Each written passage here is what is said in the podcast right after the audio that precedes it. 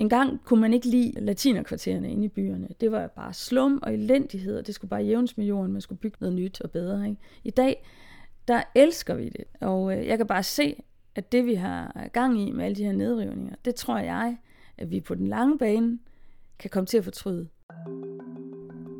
I Danmark diskuterer vi om nedrivning eller renovering skal løse de sociale problemer, der er i vores udsatte boligområder og ghettoer.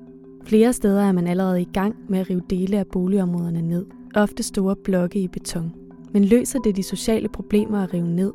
Og hvad er det egentlig, vi tror, vi kan fjerne, når vi fjerner betongen? Der bliver sådan sat lighedstegn imellem bygningerne og de sociale problemer, som om at betongen i sig selv er som en skadelig sygdom.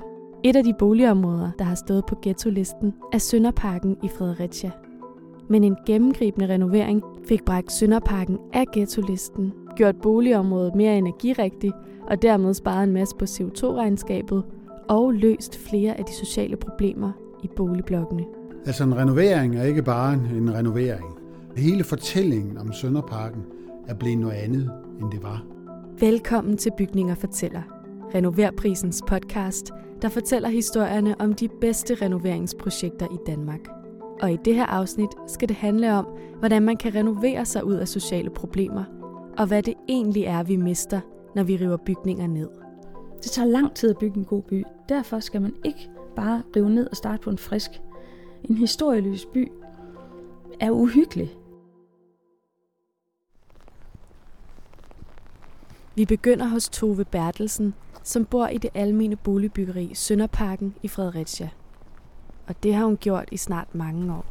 Nu går vi ind i bebyggelsen, og der er også en rigtig smukt øh, område, hvor der er grill, og hvor man kan sidde og hygge sig.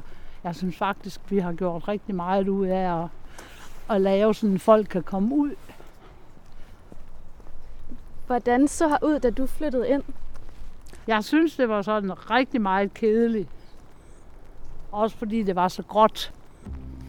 Boligområdet Sønderparken i Fredericia blev ligesom så mange andre almene boligområder bygget i 1970'erne, dengang der var mangel på boliger i Danmark.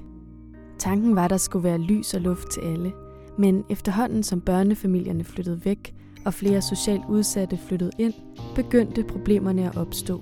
Og det kan Finn Mus fortælle mere om. Jeg hedder Finn Mus, og jeg er direktør i boligkontoret Fredericia. Det er nemlig ham, der sammen med boligforeningen Bolig Nu administrerer boligerne i Sønderparken.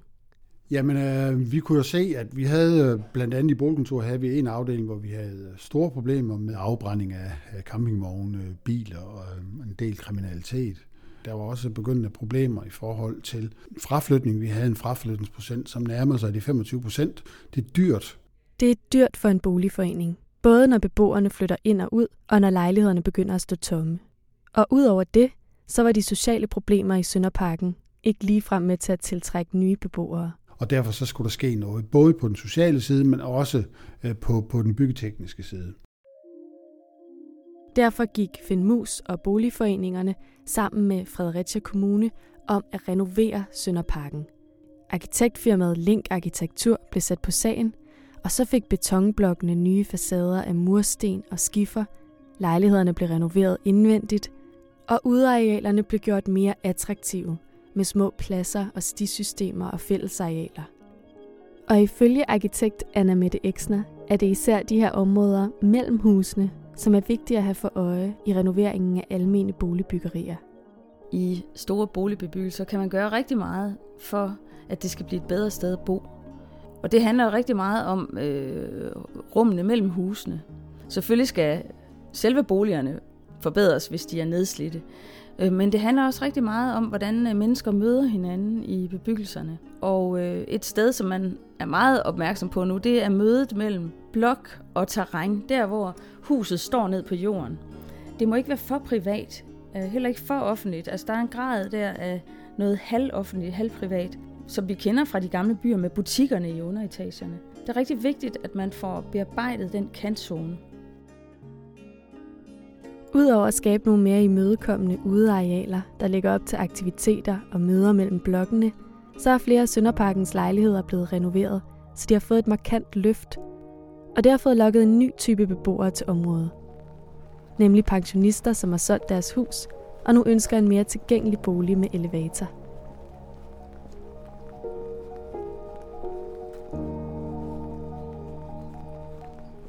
Der bor rigtig mange mennesker, der har solgt deres huse.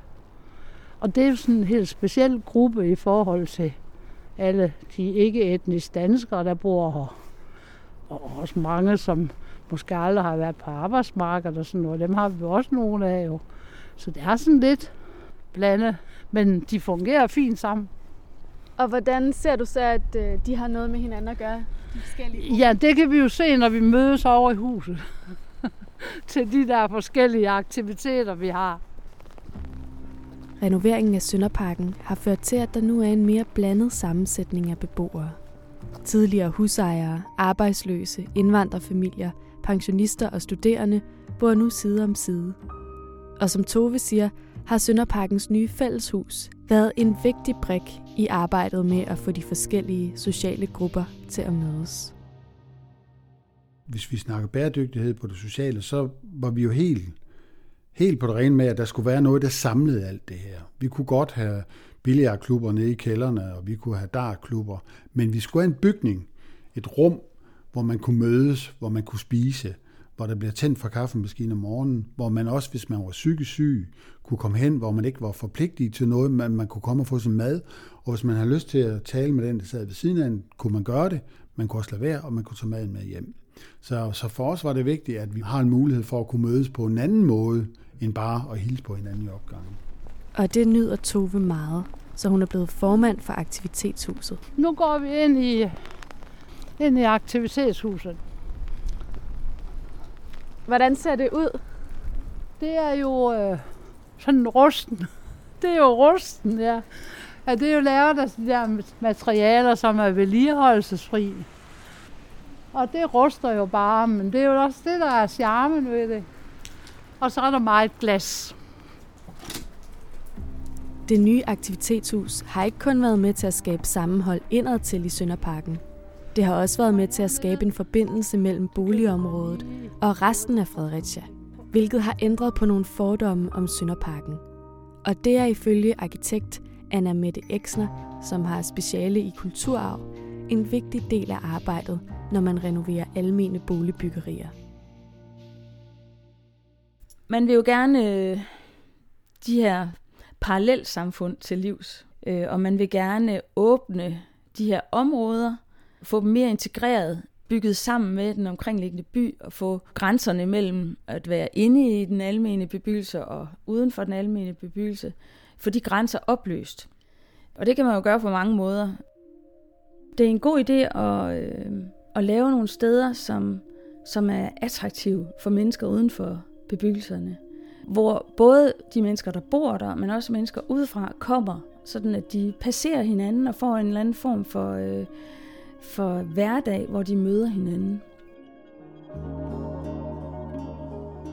Inde i aktivitetshuset er nogle frivillige i gang med at lave mad til fællesspisningen, og der er gang i lektielæsningen.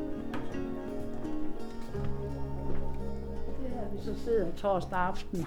Hej. Og det er også en herre, der hjælper sin datter med lektierne. Jeg hedder Samira. Jeg hedder Hamid. Og det er grammatik. Og så har vi også en matematik. Er det rart at sidde heroppe frem for at sidde derhjemme? Ja, ja. det er et godt sted at lave lektier. Det er mere roligt hernede. Inde i aktivitetshuset møder Tove sin søster Hanne, som også bor i Sønderparken. De skal spise sammen til fællesspisningen i husets café, og bagefter skal de mødes med Krea-klubben. Der foregår mange aktiviteter i huset, som samler beboerne på kryds og tværs. Udover fællesspisningen bliver der arrangeret fisketure, bankoaftener og holdt fællesfester. Vi har også en biografklub. Ja. Er det ikke de færreste boligforeninger, der har sådan et aktivt hus? Jo, men det er vel heller ikke alle boligforeninger, der har et hus.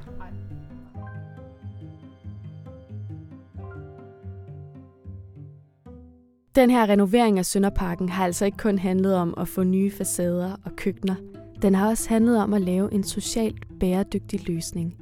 Det vil sige styrke sammenholdet mellem beboerne og åbne området op for omverdenen. Og det sidste har ifølge Finn Mus været en særligt afgørende faktor. En ting er, at øh, når vi renoverer, øh, når vi bygger om, så kan vi komme med alle mulige fortællinger. Men hvis den fortælling ikke også kommer fra andre, som ikke bor her, så er vi ikke i en situation, at det måske flytter noget som helst i forhold til et område. Men, men der, hvor, hvor fortællingen kommer fra, fra andre, jamen det er jo det, der er med til at flytte øh, hele området. Renoveringen har været med til at skabe en positiv omtale af Sønderparken, og det har lokket nye beboere til. Samtidig er kriminaliteten faldet med 50 procent. Alt i alt nogle faktorer, der har fået Sønderparken af ghetto-listen og ført til ventelister. En historie, det her også, jeg har hørt mange gange, hvor, hvor der er nogle af dem, som har valgt at flytte herud, solgt deres hus, kommet i en øh, tilgængelig bolig, hvor der er øh, elevator, hvor børnene har sagt til dem, at I skal sørge om ikke bo i Sønderparken. Det er jo et farligt sted. Hvor forældrene har sagt, at vi har da været derude, det er jo et fantastisk sted, det her vil vi da gerne bo. Og de har flyttet herud, og børnene så efterfølgende siger, jamen hold op, det var noget helt andet, end det vi rent faktisk troede. De fortællinger, dem vil vi gerne fortælle, fordi hvis vi kan få den øvrige del af befolkningen, ikke kun i Fredericia, men også andre steder, om fortalt, at det her det rent faktisk er blive et godt sted, så bliver det af sig selv.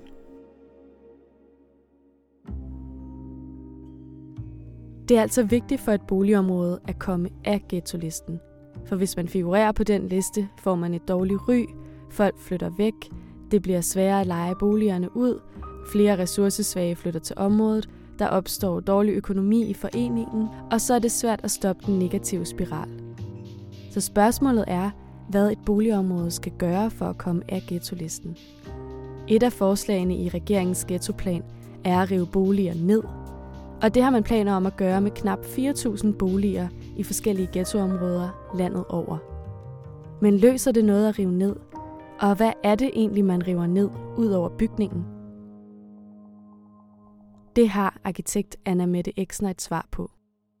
Man behøver ikke jævne det hele med jorden og fjerne det hele. Det er, en, det er en meget radikal løsning. I stedet for at gøre, som man altid har gjort, når man bygger by, nemlig at man har nogle strukturer, som lige så stille udvikler sig over tid som en levende organisme. Det tager jo 200 år at bygge en by. Man kan ikke bygge en by på 50 år. Der skal noget historie til, der skal noget levet liv til, der skal nogle forandringer til. Så hvis vi går rundt ned i Italien i en eller anden øh, eller i Rom for eksempel, og vi går rundt der, det er fyldt med historie. Ligegyldigt hvor vi kigger hen, så jo mere vi kigger, jo mere kan vi aflæse det liv, der har været levet gennem hundredvis af år.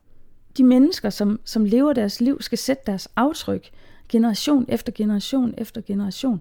Derfor skal man ikke bare rive ned og starte på en frisk. En historieløs by er uhyggelig. Det tager altså lang tid at bygge en by, der fungerer. Så det vil ikke nødvendigvis løse de sociale problemer at rive betonblokkene ned og starte på en frisk. Anna Mette Eksner undrer sig også over, at det er som om selve betongen, altså selve materialet, får skylden for de sociale problemer. Et er ligesom, at man gerne vil have nogle af de mennesker, der bor der, til at flytte ud. Ved at fjerne boligerne, jamen, så skal de jo flytte et andet sted hen. Og øh, det er jo sådan barsk, den barske model. Men en anden ting, det er det her med, at man også øh, ligesom øh, har set sig vred på bygningerne. Øh, og det er lidt pudsigt det der med, at bygningerne og de sociale problemer, der bliver sådan sat lighedstegn imellem mellem bygningerne og så social nød og forarmelse og manglende integration og alt muligt. Hvor jeg nok synes, at øh, der bliver lagt meget skyld på beton som, som byggemateriale og synligt byggemateriale, som om at betongen i sig selv er som en skadelig sygdom. Beton bliver altså associeret med sociale problemer, selvom materialet i sig selv er uskyldigt.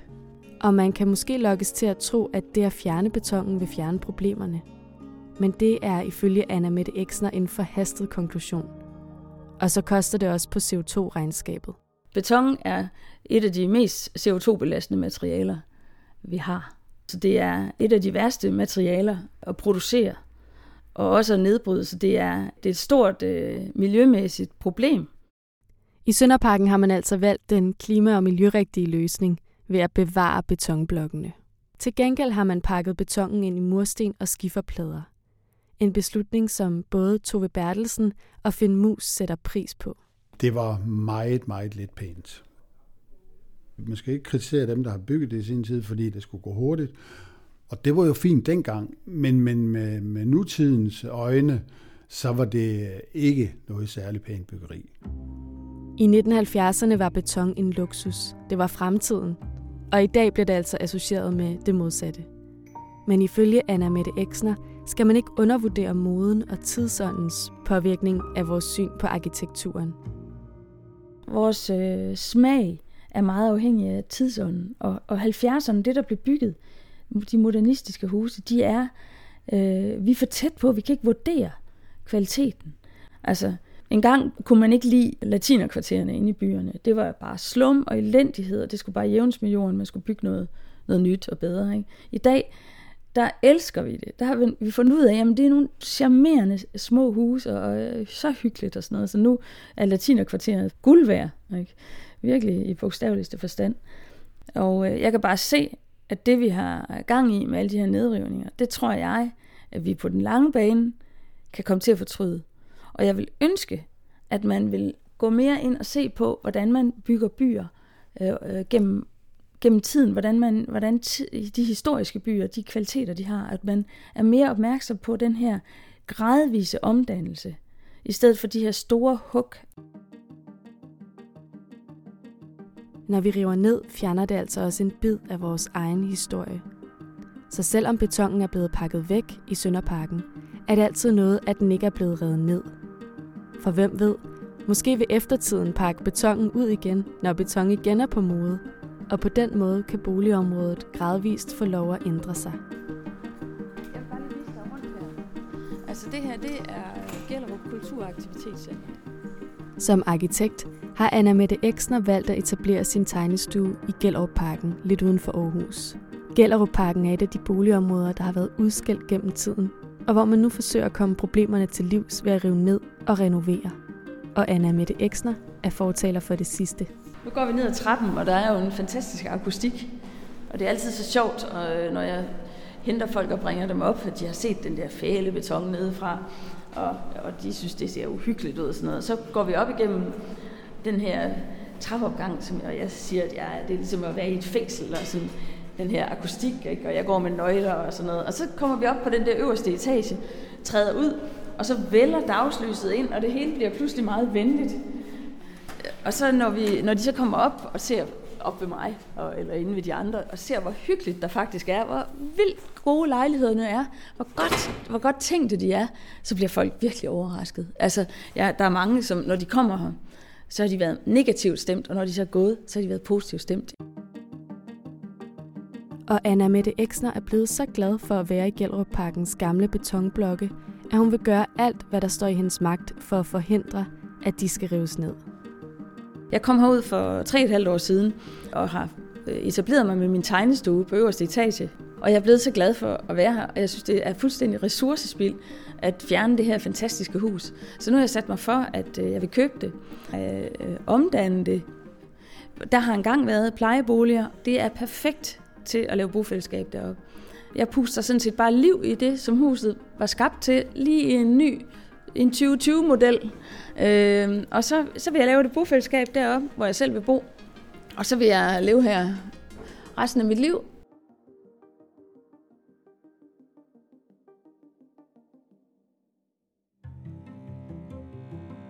Tilbage i Sønderparken er Toves rundvisning ved at lage mod inden. Når det bliver forår, så har hele den der række øh, sådan nogle øh, parasoller op, og de er næsten ens. Så der går jeg og drømmer om, at jeg går ned i sådan en rigtig hyggelig italiensk Så vinker man jo til dem, der sidder udenfor. Sønderparken er blot et ud af mange almene boligbyggerier i Danmark, som skal bringes ind i fremtiden. Og hvis vi tænker os om, kan vi bruge renovering til at skabe en positiv forandring, både økonomisk, miljømæssigt og ikke mindst socialt. Du har lyttet til et afsnit i anden sæson af Bygninger Fortæller. En podcastserie produceret af Filt CPH i samarbejde med og for Bark Rådgivning og med støtte fra Realdania og Grundejernes Investeringsfond. Du kan læse meget mere om renoveringen af Sønderparken og Anna Mette Eksners tegnestue på renover.dk-podcast. Der er flere afsnit af Bygninger fortæller ude i din podcast-app, som du kan gå i gang med allerede nu. Mit navn er Celine Klint. Vi høres ved.